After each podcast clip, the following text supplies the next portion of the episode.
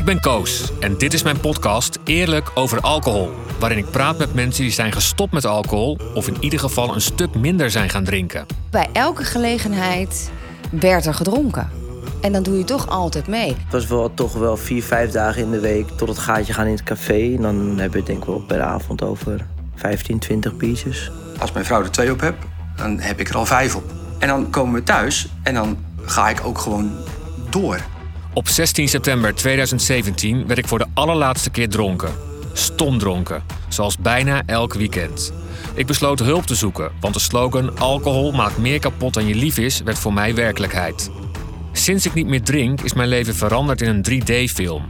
Ik ervaar meer, ik voel meer, ik geniet meer en dat gevoel dat gun ik iedereen. En daarom ben ik deze podcast begonnen. First of all, I'd wake up every day hungover and going through withdrawal. Um, I had the shakes every day, I had sweats every day. Um, I suffered, and my anxiety because of the drinking was through the roof. But all I thought about all day long was when was that first drink gonna hit? In this episode, I talked to Dan Karaty. You probably know him from the TV shows Dance Dance Dance, Holland's Got Talent, and So You Think You Can Dance. Thinking about drinking all day long. It was just all about how long do you have to to wait for that drink. After drinking alcohol for many years, in 2021 he admitted being an alcoholic and he asked for help. I look forward to the day now and what what I get to do. That's how I look at it. I get to do things where it used to be how am I going to get through this day until I can have a drink? Now he's celebrating his first year of living a sober life.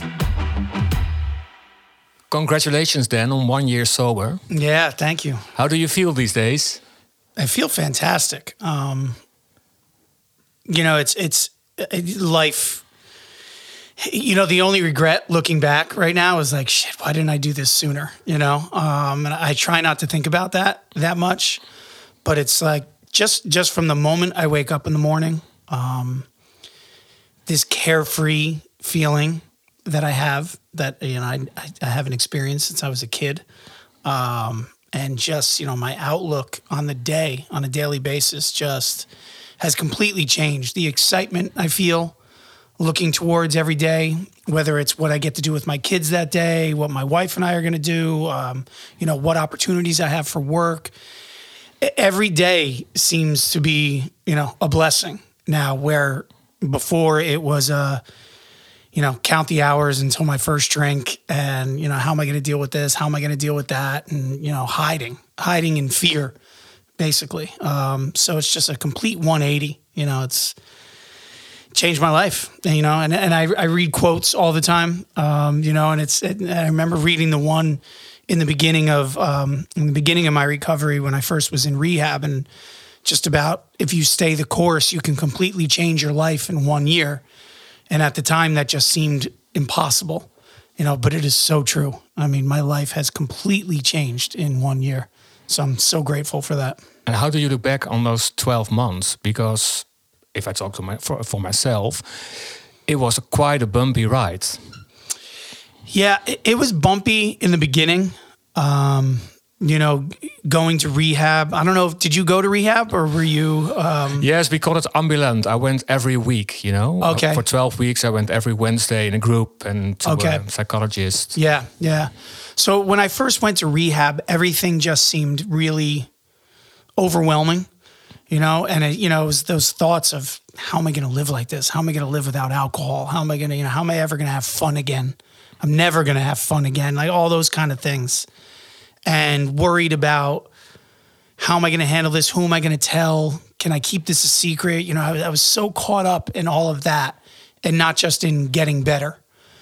Um, once I got past all of that and realized how good I could feel and realized um, how much better things would be with my wife and my kids and, you know, all of that, um, it wasn't, I wouldn't call it a bumpy ride. It's been more of an exciting ride because um, I keep I keep waiting for things to be a little more difficult, but it hasn't really hit yet. You know, I, I don't know what the term is they use here. I um, they call it a pink cloud. Yeah. In the U.S., they say you can be on that pink cloud and everything seems great. Yeah. You know, um, but eventually you'll come back down to earth a Yeah. little bit.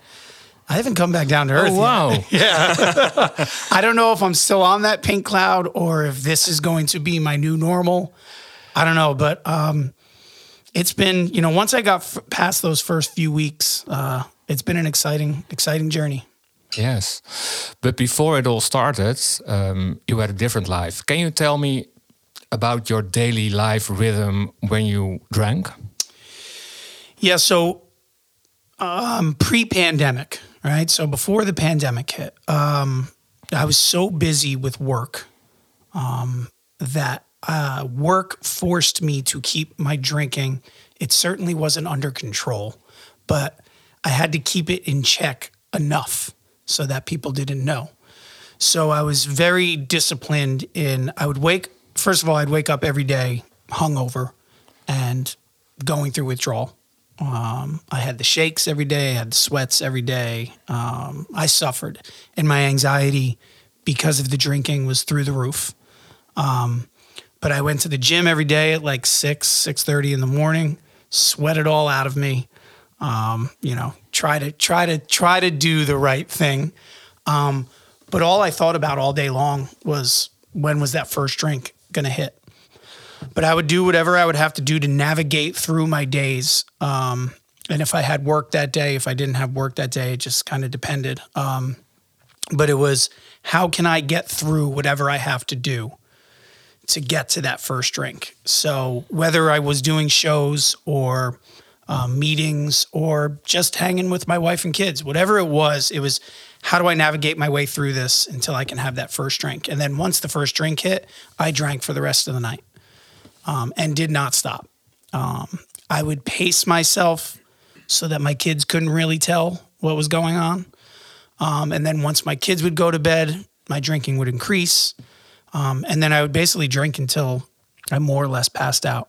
Um, but I would set an alarm for myself so that I knew what time I had to go to bed. Okay. So that even when I got kind of drunk, you know, the alarm would go off and said, okay, now's the moment. So if I wasn't asleep already, if I hadn't passed out yet, now I had to go to sleep. And then I would do it again the next day and wake up, sweats, shaking, you know, going through withdrawal, back to the gym, you know, and it's, I spent every day um, thinking about drinking all day long. It was just all about how long do you have to, to wait for that drink. Yeah, and, and what was the moment you thought, I think I have a problem? Because I think you started drinking normal, I think, when you were younger. Yeah, yeah. Um, I questioned myself at different moments in my life. Um, like in my late 20s, I started to question myself. And so I said, I'm, I'm going to quit for a little while. My wife, who was my girlfriend at the time, asked me to quit. Um, so I did and thought I got very healthy. I ran the New York City Marathon. Um, you know, and I did things like that, but all I was doing was trading an addiction, right? So I stopped drinking, but I started running and I ran nonstop and then ended up running the marathon. And then two weeks later, I started drinking again. Um, you know, and so I, but I, I thought I had proven to myself, okay, see, I don't need to drink. Um, but you know, once I started drinking again, it only took weeks before I was right back to where I was um, before I quit. Um, so I knew I had an issue with drinking too much, but I had such willpower over everything else in my life, Discipline. discipline, that I just thought I can control this. So I would do all different things, you know. Um, I won't drink this anymore. I'll only drink that. You know, no more. Oh, you changed. Oh, I would change what I was drinking from wine? From yeah, from hard liquor to beer, from beer to wine. You know, when I got to the wine part, it was like I'll just be sophisticated and I'll drink wine. You know, Okay. yeah. But when you're cracking like your third bottle of wine, there's nothing sophisticated anymore, right? Um, so I tried all that different stuff. Um, I would say about a year before the pandemic hit. I mean, I knew I was an alcoholic. I knew I was, but I thought I was different. I thought, yeah, okay, I'm an alcoholic because I drink too much and, and I crave it too much, but I have figured this out. You know, I have the discipline. I'm still in great shape. I'm still making a lot of money. I'm still traveling for work. Successful, looking Yeah. good. I got everything in, in check. Yeah. So when my wife, you know, would question me and just say, Hey, what are you doing? This, that, and the other, I would just throw up all those signs to her of, but look at this and look at that and, and try to explain to her, I agree, I drink too much, but it's not affecting anything. It was affecting everything, right? But I didn't tell her what was going on in my head. I, I didn't, I never let her in to know what, what I was really thinking or dealing with. So she would just kind of go along with it. Poor thing, you know? Yeah. And when I would have a couple bad episodes, she would say, You need to quit or, you know, whatever. And I would just do whatever I had to do to smooth things over with her. But then I was back to drinking too much again.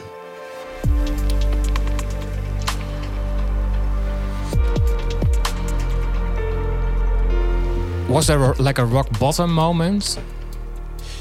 Yeah, I mean, it, it, there's there's two really. I um, I don't. I mean, everyone has a different bottom, right? Emotionally, my bottom was when my son got sick. Um, when my son was, you know, he's eight now, but when he was nine months old, he got very sick, um, and he was in the hospital. Um, it turned out to be an autoimmune disorder, and he was okay. But he was in the hospital for uh, a few weeks and they did not know what was wrong with him. And they were nervous that we could possibly lose him because they could not figure out what was going on. Um, and i had convinced my wife that it was more important for her to stay with him in the hospital than me. Oh. because god forbid i couldn't have a drink right and I justified that in my head, which is so sick, right? It's um I truly told myself it's better for my wife to be there and for me to be home with our daughter. Um, just makes more sense and everybody will be happy or whatever. But all I was doing was making sure that I could still drink at night. You know, and when I look back at that, I mean, it could have been my son's last night Yeah. right? And it was more important for me to have a drink than to be there with him. So messed up. Um, so I look at that as my emotional bottom. But during the pandemic is when I hit my my drinking bottom. I would say I, I couldn't stop, right? So once you took away all those things that I had put in place that helped me stay disciplined or in check, the work, the travel, all of that. Once all of that got taken away from me and I was just at home, just a regular person, I had to face myself Yeah. and I couldn't do it. So I started drinking more and more and earlier and earlier in the day and um a- until I couldn't control it anymore. And I would wake up in the morning and it was like, how long do I have to wait? Um, and I wouldn't wait very long. And um, and then my daughter noticed. Um, she was nine at the time, and she just looked at me sideways one morning and was like, "You do not look good," Oh. you know. And that crushed me Yeah. You know? And that's when i went in to my wife and just said and i had been trying to you know cut back wean off you know and nothing i was doing was working. I was just drinking more. Even though in my head i was trying to figure out how to drink less i was drinking more and more. And i was i was a mess. I looked horrible. I felt horrible. I hadn't looked at myself in the mirror in months. Um, and that's when i went to rehab And then your wife was the first one you told about your addiction. Yeah, I mean, my wife and I have fought about my drinking from when we were together for the first three months or something like that. You know, I had, I had episodes um, just on different nights, and she'd be like, "You drink too much," you know, and I would always just explain it away and manip- yeah. manipulate and lie and do whatever I had to do to smooth it over. And that became our our thing, you know. And it was I would keep it in check for a while. I would have a bad night, same thing over and over again. So we dealt with this. So she she's known I had a drinking problem. Um, but that was the first time I admitted to her like I have no control. I can't do this on my own. Uh, and she knew it. She was just waiting for me to finally accept it. She had gotten to the point where she was throwing her hands up, you know, and she was always she always tried to help me. She always supported me and was there. But now that, like I said, my daughter noticed and stuff, that was not okay. No. She started to get furious with me because she was like, you know, it's one thing that I've watched this, but I'm not going to let the kids grow up like this, you know? So that was that. She must really love you Yeah, God. after so many years. Yeah, I am uh, quite fortunate um, that she has stuck through, stuck with me through all of this, um, because it was bad enough that she had to watch it and experience it, and Yeah. how many nights I left her by herself. Basically, you know, I was there. I was always physically there. I wasn't. I wasn't a, a drunk who would go out. Um, I like to drink at home. So it wasn't like I was out and she didn't know where I was or what I was doing. It wasn't that. But she was, I abandoned her. You know, it was like I was home with her, but I wasn't there. I wasn't there for her emotionally or or anything. You know, so the fact that she dealt with all that for all those years and still supported me, um, stuck by me, was huge. Um, but even in my even in my ugliest moments, you know, she was she was always supportive and was like, I I know we can figure this out for you. You know, she didn't she didn't give up on me. Um which is amazing because I probably would have given up on me if I were her, you know, just enough already. Yeah. You know. Wow. Yeah. What did alcohol gave you? What was the reason for you to drink? I think in the beginning, I think um, when I try to look back on high school when I started drinking and stuff, um, I was a blackout drinker from day one. Right, I did not ease my way in from from the first time I was drinking with friends. I drank till I passed out. Yeah. you know, um, so I never had an off switch.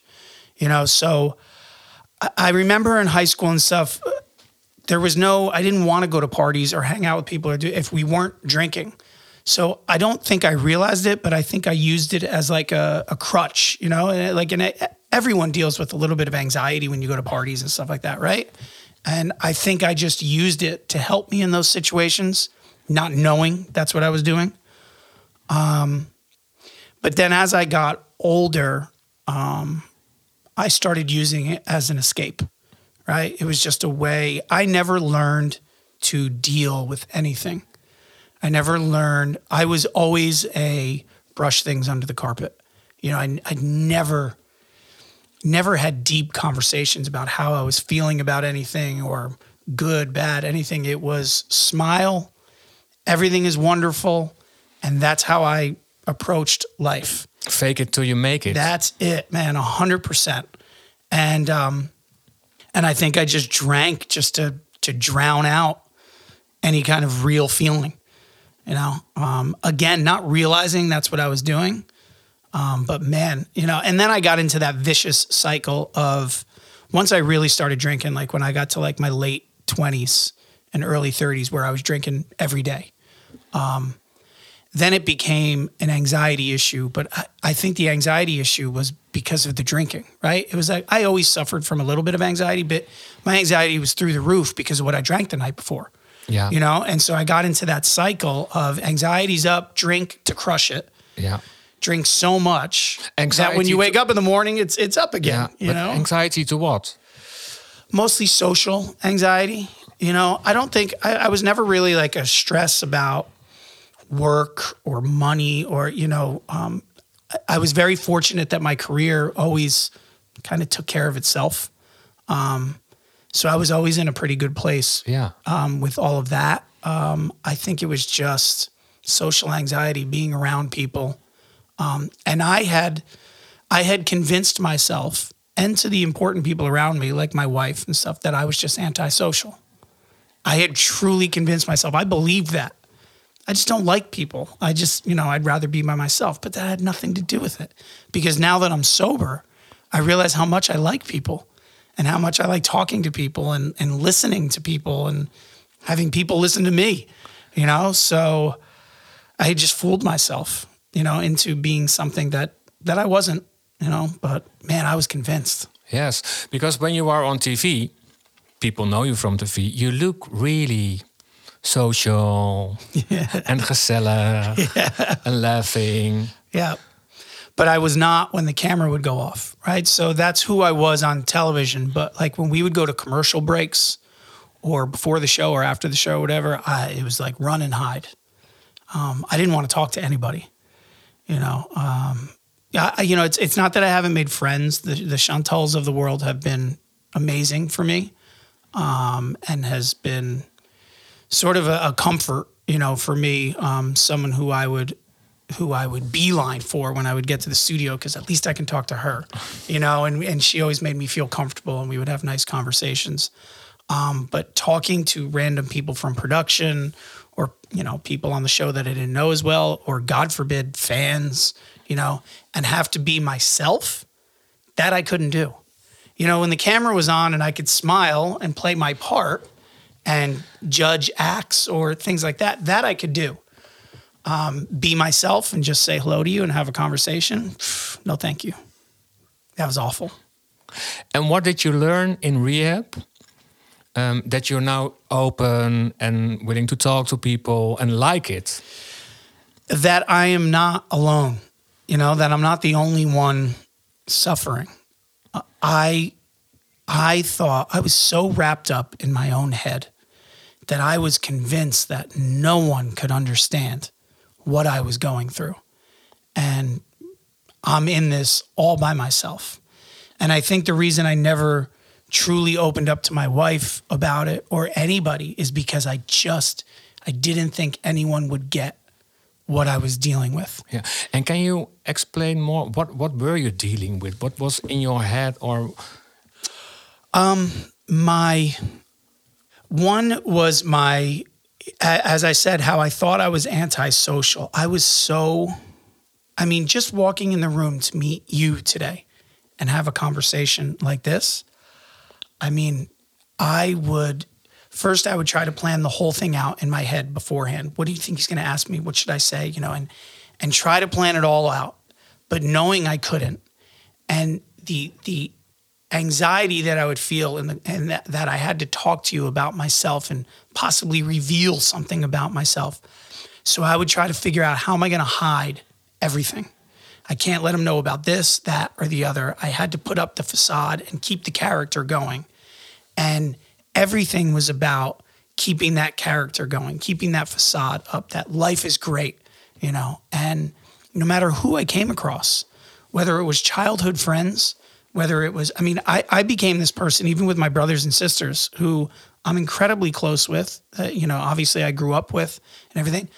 I wasn't even honest with them. I wasn't honest with anyone. I, I had this character that I thought I had to play that life was good, my marriage was good, work was good, the kids are good, I'm good. And and I had to convince everyone of that. And I carried that weight around all on my own. That was my own doing. You know, no one expected my life to be perfect, but I thought they did.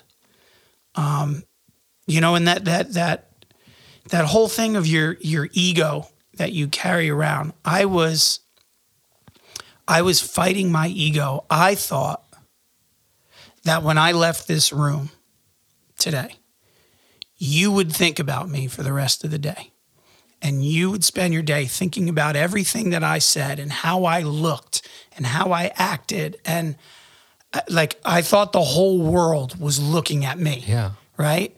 Yeah. Where no one cares, no one gives a shit, right? It's like I walk out of the room, you have your own life to worry about. You're not worried about me, you know. But I thought everyone, when I walked into a room, I thought everybody was looking at me. Yeah. When I left the room, I thought everybody was talking about me. I was so wrapped up in my own crap. Yeah. And, and I, I couldn't find my way out of it. But then, um, forgive me, Yeah. a little bit off topic. Yeah. When you enter a room, people are watching at you. yeah, but not not in the way that I thought they were. I thought they were judging me. Yeah. Right? Like I thought I walked in and they were looking at me, oh, he's this, he's that. He's you know, first of all, I was wondering, can they tell that I was drinking? Oh, So yeah. that haunted me. Yeah. Right? It was like, did they think I was drinking? Yeah. Can they tell how much I drank last night? Did I go to the gym long enough? Did I sweat it out? Did I do I smell? Do I you know all of those different things. But then it was every time I would open my mouth, I was questioning everything that I said. Um, you must be tired at the end of the day. was- It was exhausting. yeah. It was exhausting. And and again, that's that's that's that vicious cycle that you get in. I was so tired at the end of the day and I just wanted to quiet it all down. And the only way I knew how is to drink again. yeah. But the drinking just started it all over again. Yeah. you know? And it's like, you know, in, in hindsight, you look back at that and it's so obvious that I was doing it to myself, but I couldn't see it. Yeah. You know, it was like I I again, I thought I was the only one dealing with this. To get back to to what your first Yeah, question yeah, was. I, I was so trapped in thinking I was the only one and no one could understand that I, I wouldn't share it with anyone. I wouldn't tell my wife. I wouldn't tell anyone who cared and could could maybe help me. I kept it all to myself. And when I got to rehab, after the first few days of listening to people talk, I realized, oh my God, all these people are just like me. They think the same way I think, you know, and I'm not alone. And I felt like I had found my people.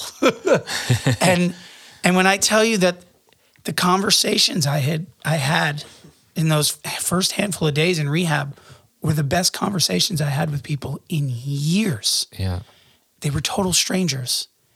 And I was sharing with them in a way that I hadn't shared with anyone in my life for years. And it felt incredible.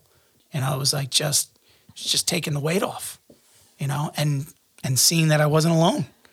You know, it's, it's not brain surgery, you know. No, but it, sou- it, it sounds really easy. It does. It does. But I think I think you I shouldn't say you, me, I had to give in. Right? I had to finally accept that I did not have the willpower to handle this thing on my own. You know, I had willed everything in my life. Um from personal things to my career to I mean, you should have seen the way I had to fight for my wife, right? I, and, and keep her, keep her with me um, for years. It was like I just worked hard at anything and willed it to happen. And this drinking thing, I couldn't. I just couldn't do it. And I had to accept that and I had to admit it. I had to say it out loud that it beat me. And I had to be okay with that. And when I did that, it allowed me to open up and be vulnerable and and say to people, yeah, I, I don't have it all figured out. And once once I was willing to admit that, uh, then it like the floodgates opened, and then I could talk about anything. You know, once once my big secret was out there, and I, and I admitted that I couldn't control it, then talking about anything else was easy compared to that. And how did that change your life? God, it, it has changed my life. The way I'm connected to people now, whether it's my wife or my kids, who are the most important to me, but family members, parents, brothers, sisters. Do they notice? Do they? Oh, yeah. Yeah. What do Yeah, they see? yeah. What did they tell you? Just um just my interaction with people, my conversations. I, you're having a real conversation with me now instead of the, the the fluff, right? I gave you fluff before. I just told you how great everything was. Nothing else. And and now I'm now I'll tell you how I'm really feeling and what's really going on and what's good and what's bad and what I like and what I don't like. Um, but the way I'm connected to to them, the way I'm connected to strangers now, the conversations I'll have with parents on the sideline at my kid's soccer game, um, to people I run into in the store, um, to you, you know, just the conversations I have are awesome. Yeah. You know, you reached out to me asking me if I would come on the podcast. I mean, a year ago, no way in hell. Now, obviously, the alcohol thing, that's, you know, but if you asked me to come on a podcast podcast and talk about anything, I would have never done it. I wouldn't even have answered the message, um, let alone shown up, because the unknown I never would have stepped into, not knowing, putting myself in a position that I don't know what would be talked about, what would be asked of me, anything. Now I'm like, I don't, let's just talk. let's just have a good conversation. Yeah. You know, great. I couldn't do that before, and it feels feels fantastic. And your kids? It's the best. You Did know? your daughter uh, uh, told you anything about the way, uh, the moment she saw you and the way you are now as a father? Yeah. So, I mean, the biggest thing with my kids, my kids are connected to me in a way they don't realize it yet.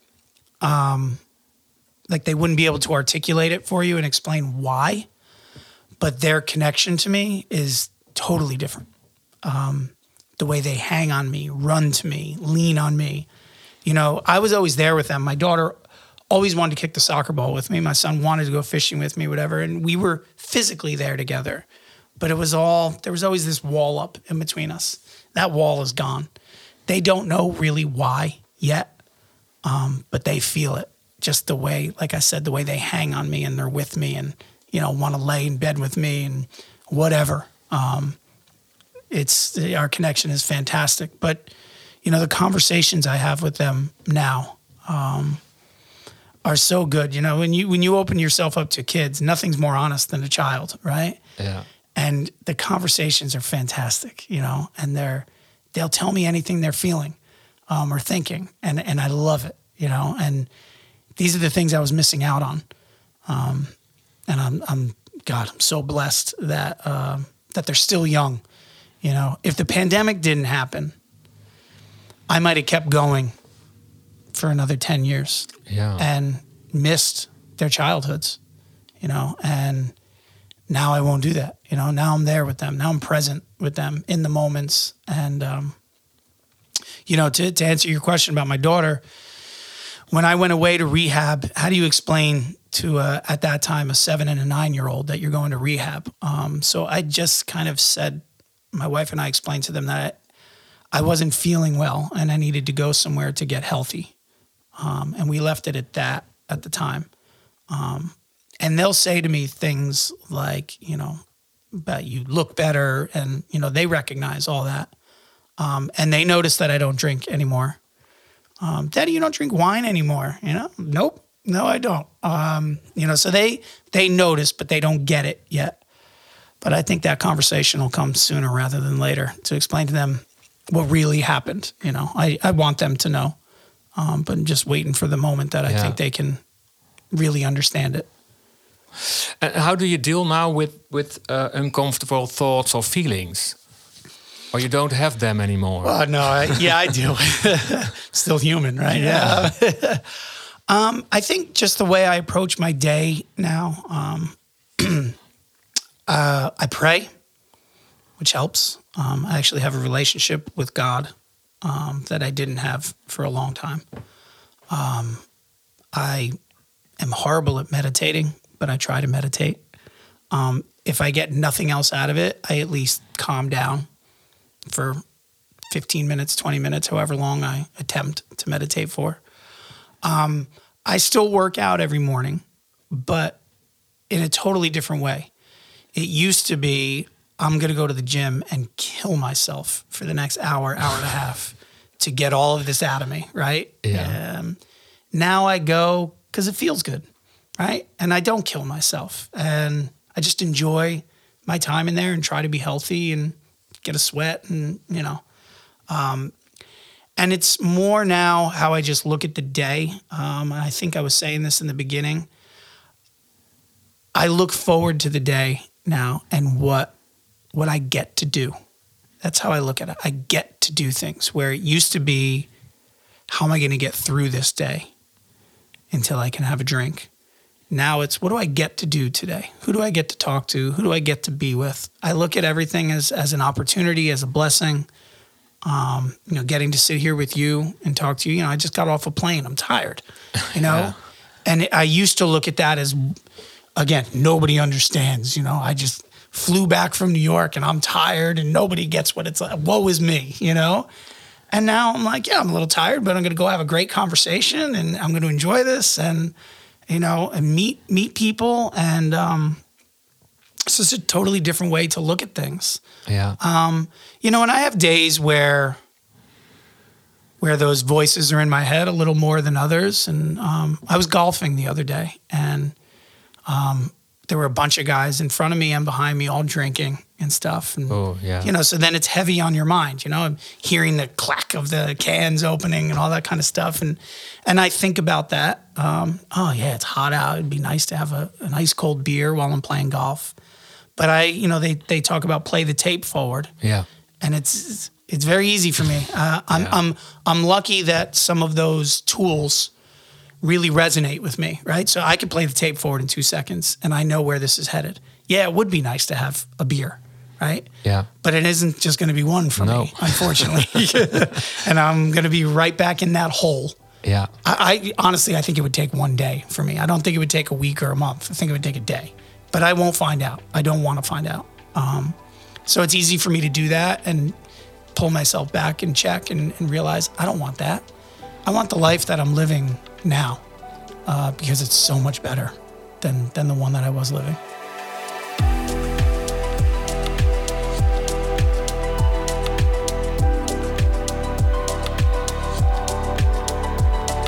Do you have any advice for the people who are listening and, and, and thinking, well, I think I have a problem.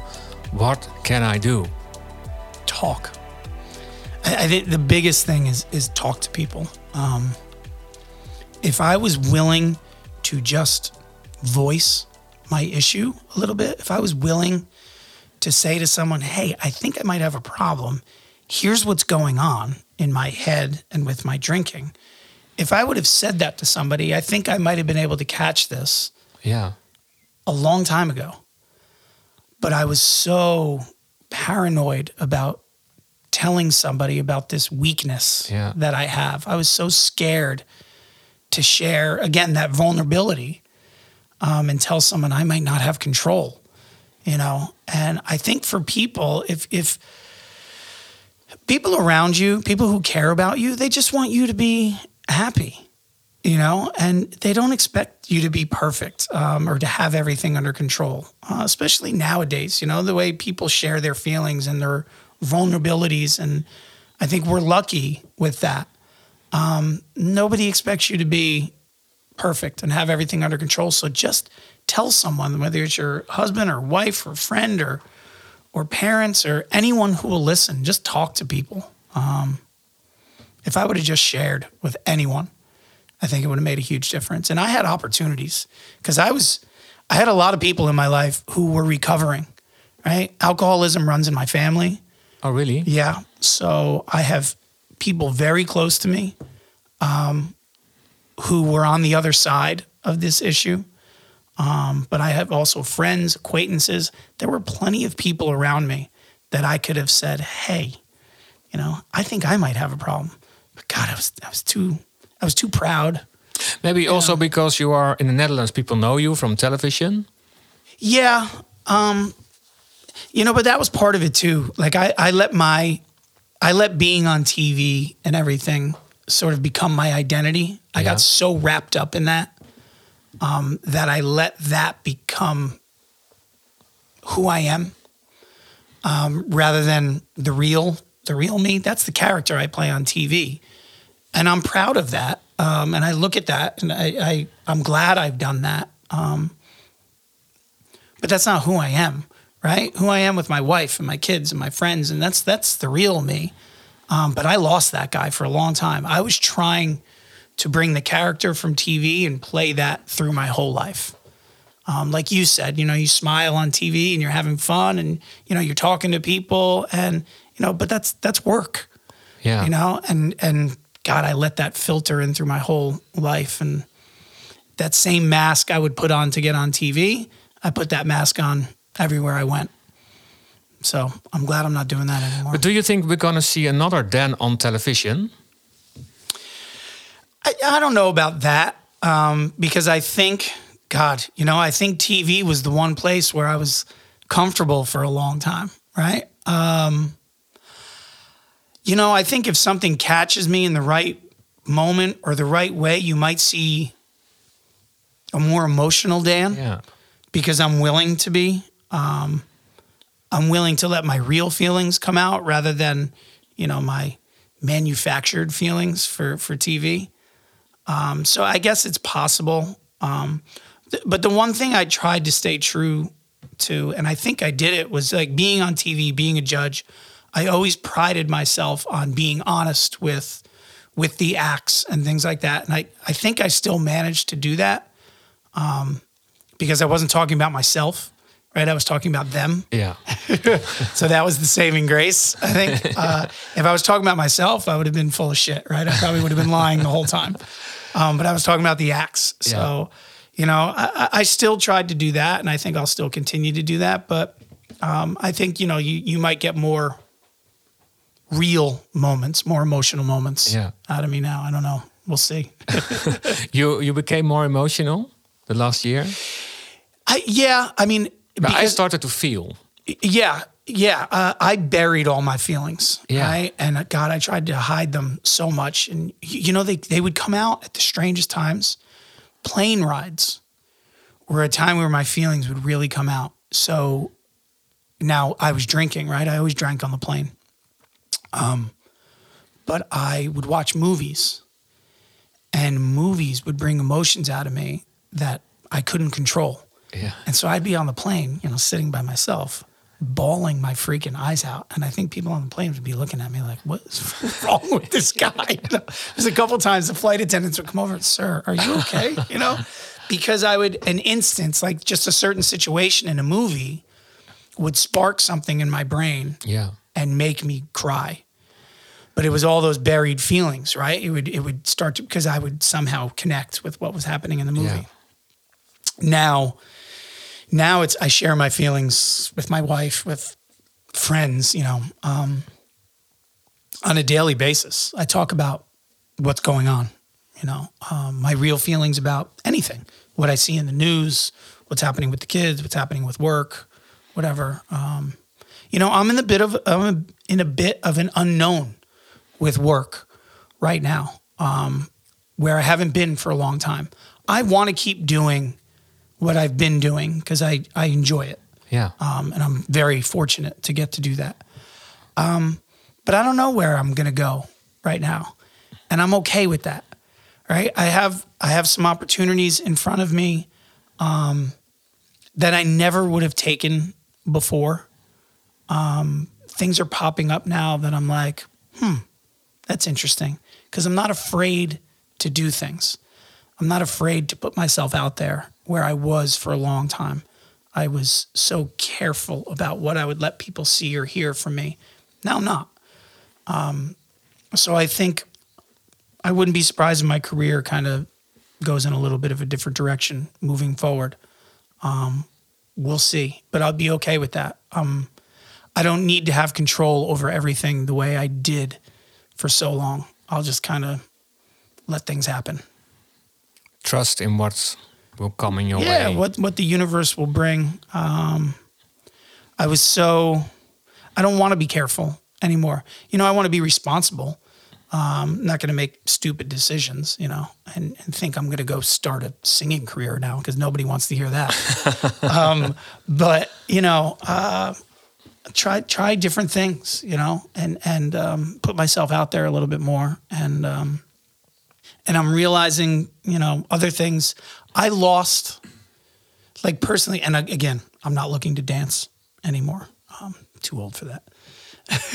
but I lost my love for dance. really? Yeah, um, personally, like doing it myself.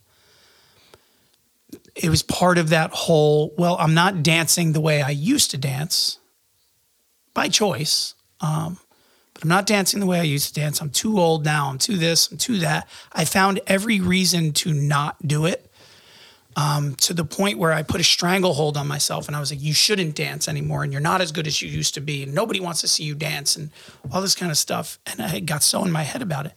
Now my daughter came to me and was like, I want to start doing TikToks, whatever. And I was like, yeah, that'd be fun. Let's do TikToks together. wow. And so I started dancing with her on TikTok and just going in our garage and putting music on and dancing around just for the sake of dancing, not for anything else.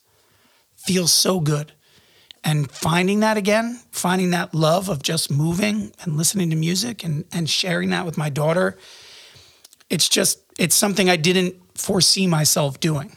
Right. Um, and so I think a lot of things. It's only been a year. I mean, you you've been sober for how long? Almost five years. Almost five Yeah. years, right? And you're probably you're still evolving, right? Yeah. And and learning and it's only a year for me. So I don't want to tell myself this is what you're going to do. You know, I'm just going to kind of I want to see I can't I could have never imagined a year ago feeling the way I do now and letting myself do the things I let myself do now. So I don't want to stop that. I want to just kind of keep that going and see where it takes me. Thank you very much, Dan. Yeah. Yeah.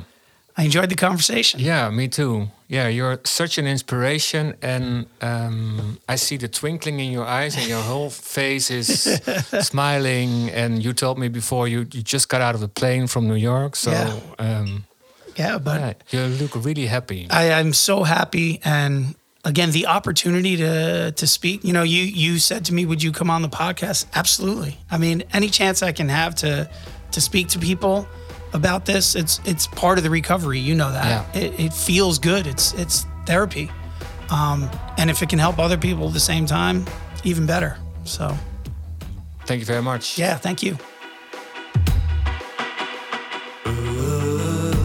Luister ook de andere afleveringen van Eerlijk over alcohol. Als ik dan ging op vrijdag, nou ja, goed, dan ging ik helemaal door het geluid heen.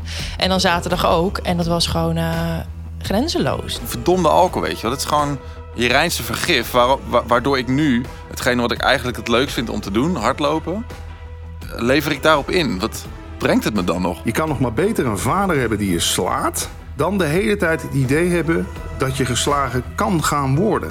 Deze podcast is mede mogelijk gemaakt door het ministerie van VWS. Voor meer informatie over minderen of stoppen met alcohol, check de website alcoholinfo.nl.